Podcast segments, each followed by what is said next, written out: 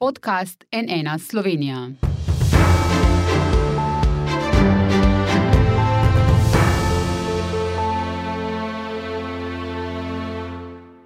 Ponovno pozdravljeni. Nadaljujemo z izrednimi oddajami NN studio ob ruskem napadu na Ukrajino.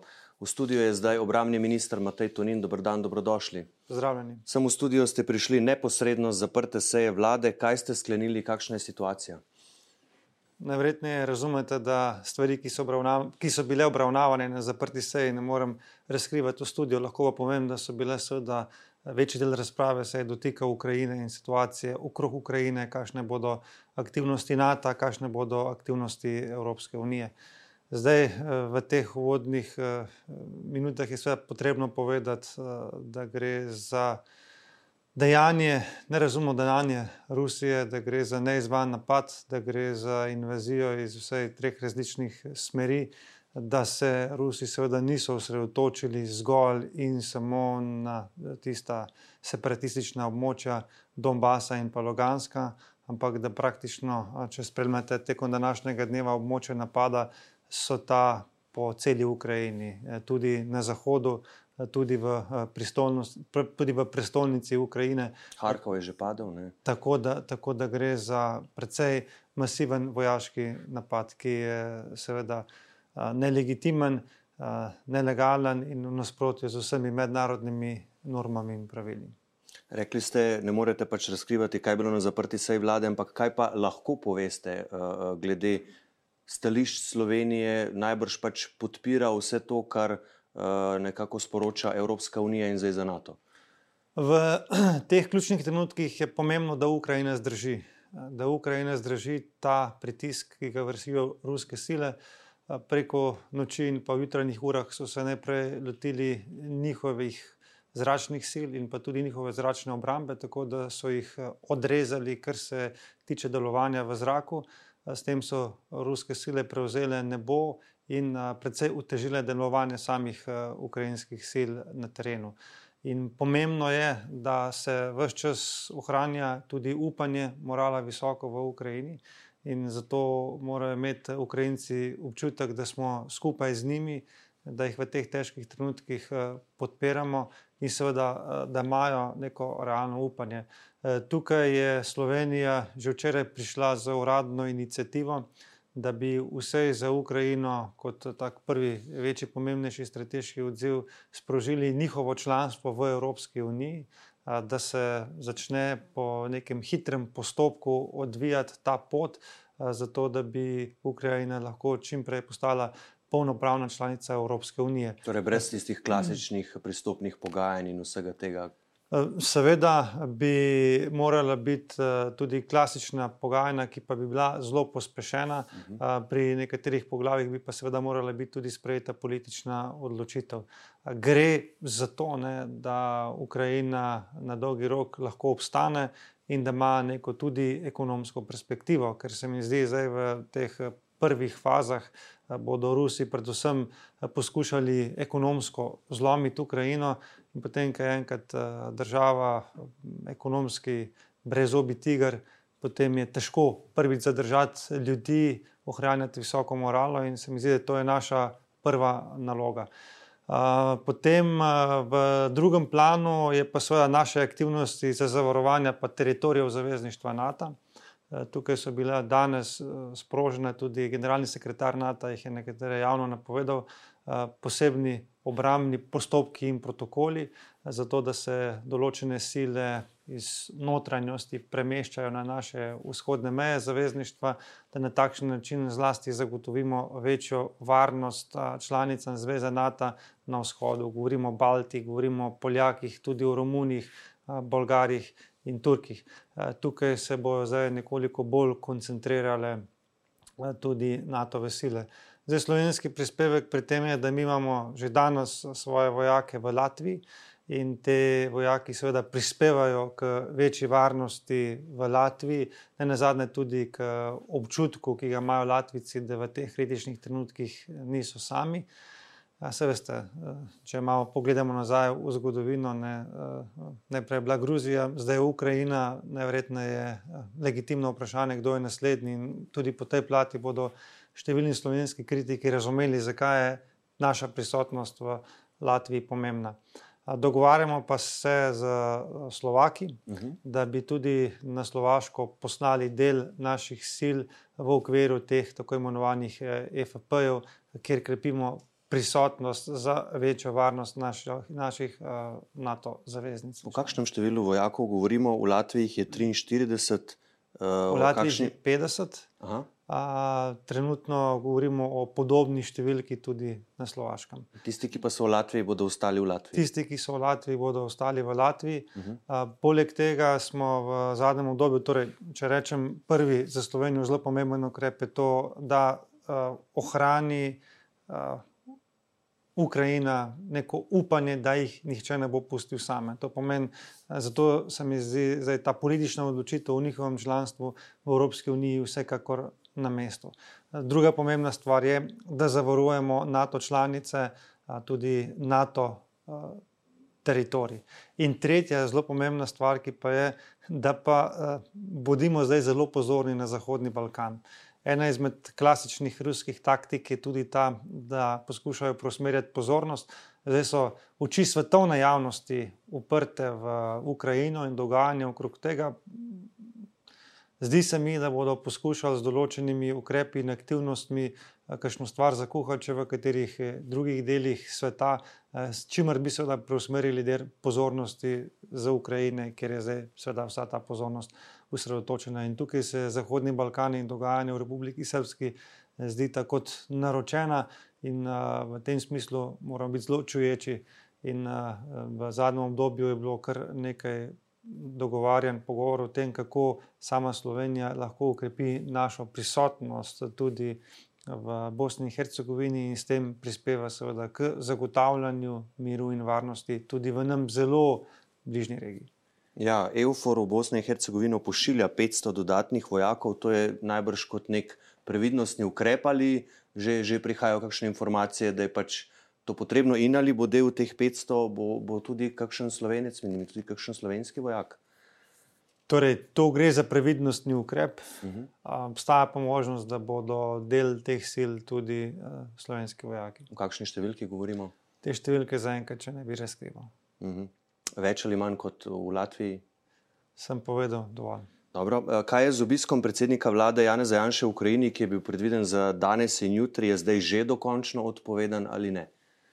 Ne, uh, ni še dokončno odpovedan. Uh, danes uh, smo se tudi o teh stvarih pogovarjali in mislim, da bo podrobnosti o teh zadevah potem popoldne razkril tudi sam predsednik vlade. Tako da se jaz ne bi zdaj v te stvari spuščal. Ja, ob 16. uri ima novinarsko konferenco, ki bomo seveda prenašali na naši uh, spletni strani. Torej, uh, tam bo sporočil poleg podrobnosti uh, o tem obisku, ki ga najbrž ne bo, kaj še lahko pričakujemo tam. O čem bo še spregovoril? Predvidevam, da o podobnih stvarih, kot zdaj jaz govorim v vaši oddaji. Uh mhm. eh, -huh. No, sicer pa je v Kijevu eh, novinarka NN Zagreb Ana Mlinarič. Poglejmo, eno od njenih zadnjih javljanj eh, iz hotela je bila evakuirana, morala se je umakniti v podzemno železnico. Da, morali smo se evakuirati iz hotela Majdan, hotela na glavnom uh, Kijevskom trgu. Sve televizijske ekipe su uh, evakuirali sve goste, takva je procjena sigurnjaka i za sada se nalazimo u podzemnoj željeznici. Ovo je inače jedna od uh, lokacija na kojoj se građani u Kijevu u slučaju velike opasnosti mogu sakriti. Pokazat ćemo vam sad ljudi i dalje dolaze i odlaze, ne zadržavaju se previše ovdje. Do malo prije recimo ovdje također bio veliki red na bankomatima. Vidimo sad je samo jedna osoba koliko smo uh, shvatili ovdje bankomat i dalje ima novaca. No, vmes se je Ana Mlinarič že vrnila nazaj v hotel, ocenili so, da situacija to dopušča, še naprej pa se bo javljala tudi za nnainfo.si. Gospod minister Tunin, ali veste, ali je trenutno napadano tudi civilno prebivalstvo v Ukrajini? Kakšne so obveščevalne informacije, ki jih ima Slovenija? Po doslej znanih podatkih so ruske sile predvsem napadale vojaške cilje, eh, cilje, ki so uporabni za komunikacijo. Eh, kaj se bo pa v prihodnosti dogajali, bomo pa še videli. Predvsem so navarne napovedi in grožnja ukrajinskemu vodstvu, da je celotna ta operacija, ki jo zdaj pelejo po celotni Ukrajini, namenjena tudi temu, da se zamenja ukrajinsko vodstvo in da se postavi Rusiji bližnje vodstvo. In zato pri teh stvareh pa bomo v prihodnjih urah in dnevih videli, če bodo občutljivi na cilje ali bodo za dosego svojih ciljev praktično lahko bili žrtve, oziroma žal kolateralna škoda tudi civilni cilji.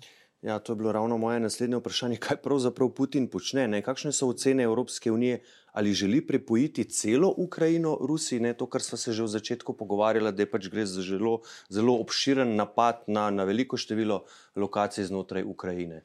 No, če kaj, potem smo se ob eh, tem dogajanju in po teh dnevih naučili, da na ruske besede ni veliko dati. Uh mhm. -huh. Spomnite se, še nekaj dni nazaj so na ruski strani zatrjevali, da gre zgolj za zelo aktivne in pasivne vaje ob ukrajinski meji in da ne bomo popolnoma mirni, da ni pričakovati nobene invazije. Potem, ko so sami ruski separatisti v teh upornih regijah, v Lugansku in Donetsku, inscenirali določene napade, Potem je bilo najprej rečeno, da bodo posredovali za to, da zavarujejo življenja in varnost ruskih državljanov.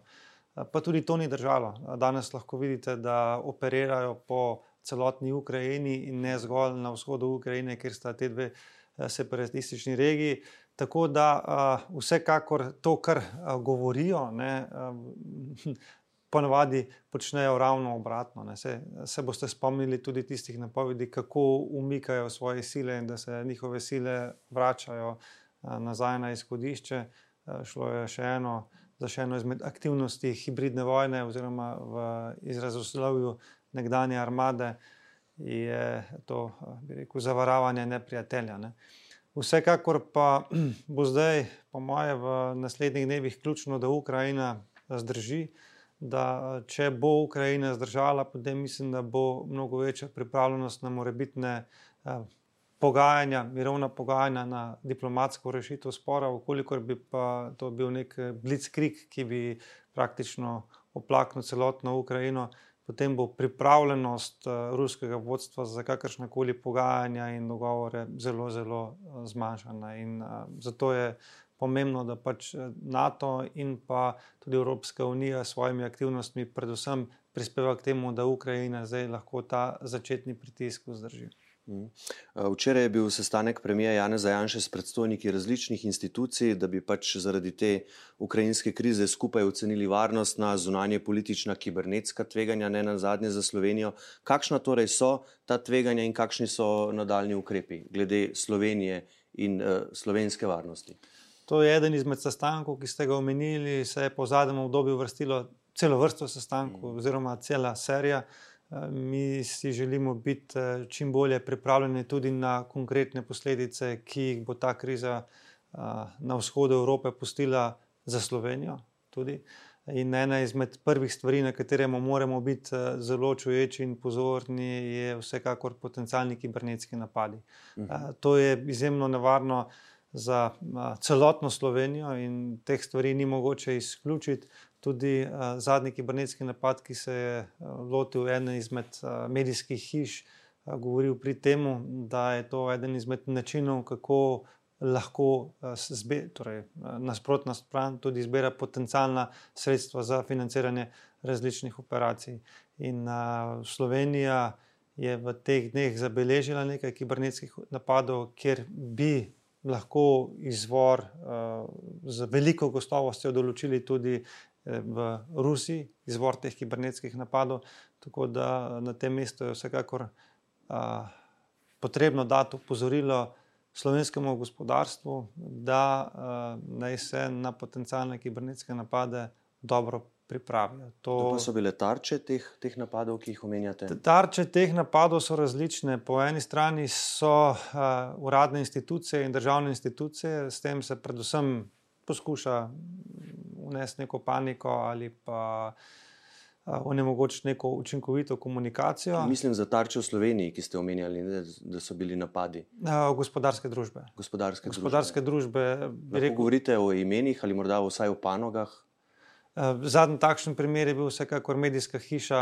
Da, v Sloveniji, to je TV, Pop TV. Plus, Vsekakor pa je bilo tudi nekaj drugih podjetij, ki so bile deležne podoben napad. Skratka, -huh. da ti zaklenejo celotno omrežje, infrastrukturo in zahtevajo odkupnino. In, uh, te stvari stanejo veliko, ne, in zaradi tega je pač potrebno se pripraviti na potencijalno možnost uh, to vrstne kibernetske penetracije. Pa je Rusija za temi napadi, o katerih se zdaj pogovarjamo? Za od nekaj izmed teh napadov se je skazalo, da sledi vsekakor vodijo v Rusijo. Uh -huh, sledi, uh, dokazov pa za zdaj še ni o tem, če prav razumem. Ja, jaz kot politik težko govorim o dokazih, uh -huh. a ne te dokaze.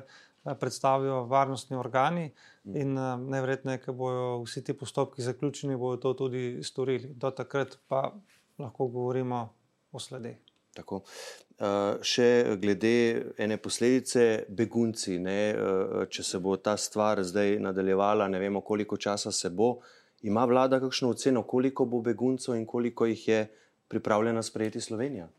Mi razpolagamo z ocenami, ki jih delajo druge mednarodne organizacije, zlasti Združeni narodi. Napovedanih so kar obsežne številke. Vsekakor. Uh, se je že današnji dan pokazal na veliko možnost uh, premika ukrajinskega prebivalstva. Če ste danes tudi preko različnih medijev spremljali situacijo v Kijevu, potem ste lahko zasledili, da so ceste praktično zabite, polne, da se ljudje umikajo na varno. In iz tega naslova je vsekakor ob nadaljevanju to vrstne stopne agresije pričakovati kar veliko število beguncev. Slovenija bo tukaj seveda nosila pravični delež in po naših najboljših močeh bomo seveda Ukrajincem tudi pomagali. Pa bo tu Evropa nastopila usklajeno ali bomo gledali pač prizore, ki smo jih morda že kdaj v preteklosti, da vsaka država ravna malo po svoje v takšnih situacijah? Po sedaj zbranih informacijah se pričakuje usklajen evropski nastop, in tudi, bi rekel, med državami ni bilo velike skepse v zvezi z ukrajinskimi begunci. Zdaj, nekatere države, ki so bile v preteklosti zelo skeptične do razno raznih migranskih tokov, govorijo pač, da gre za to prave begunce in da so tem beguncem tudi pripravljene pomagati. Še to vprašanje glede Slovenije. Predsednica opozicijske SD Tanja Fajon zahteva sklic seje sveta za nacionalno varnost. Bo ta sklicana? Po mojem je koristno, tudi znotraj države se mi zdi pomembno, da se med seboj pogovarjamo, da se tudi izmenjamo stališča, da tudi opozicija razume, zakaj trenutna vlada določene stvari počne.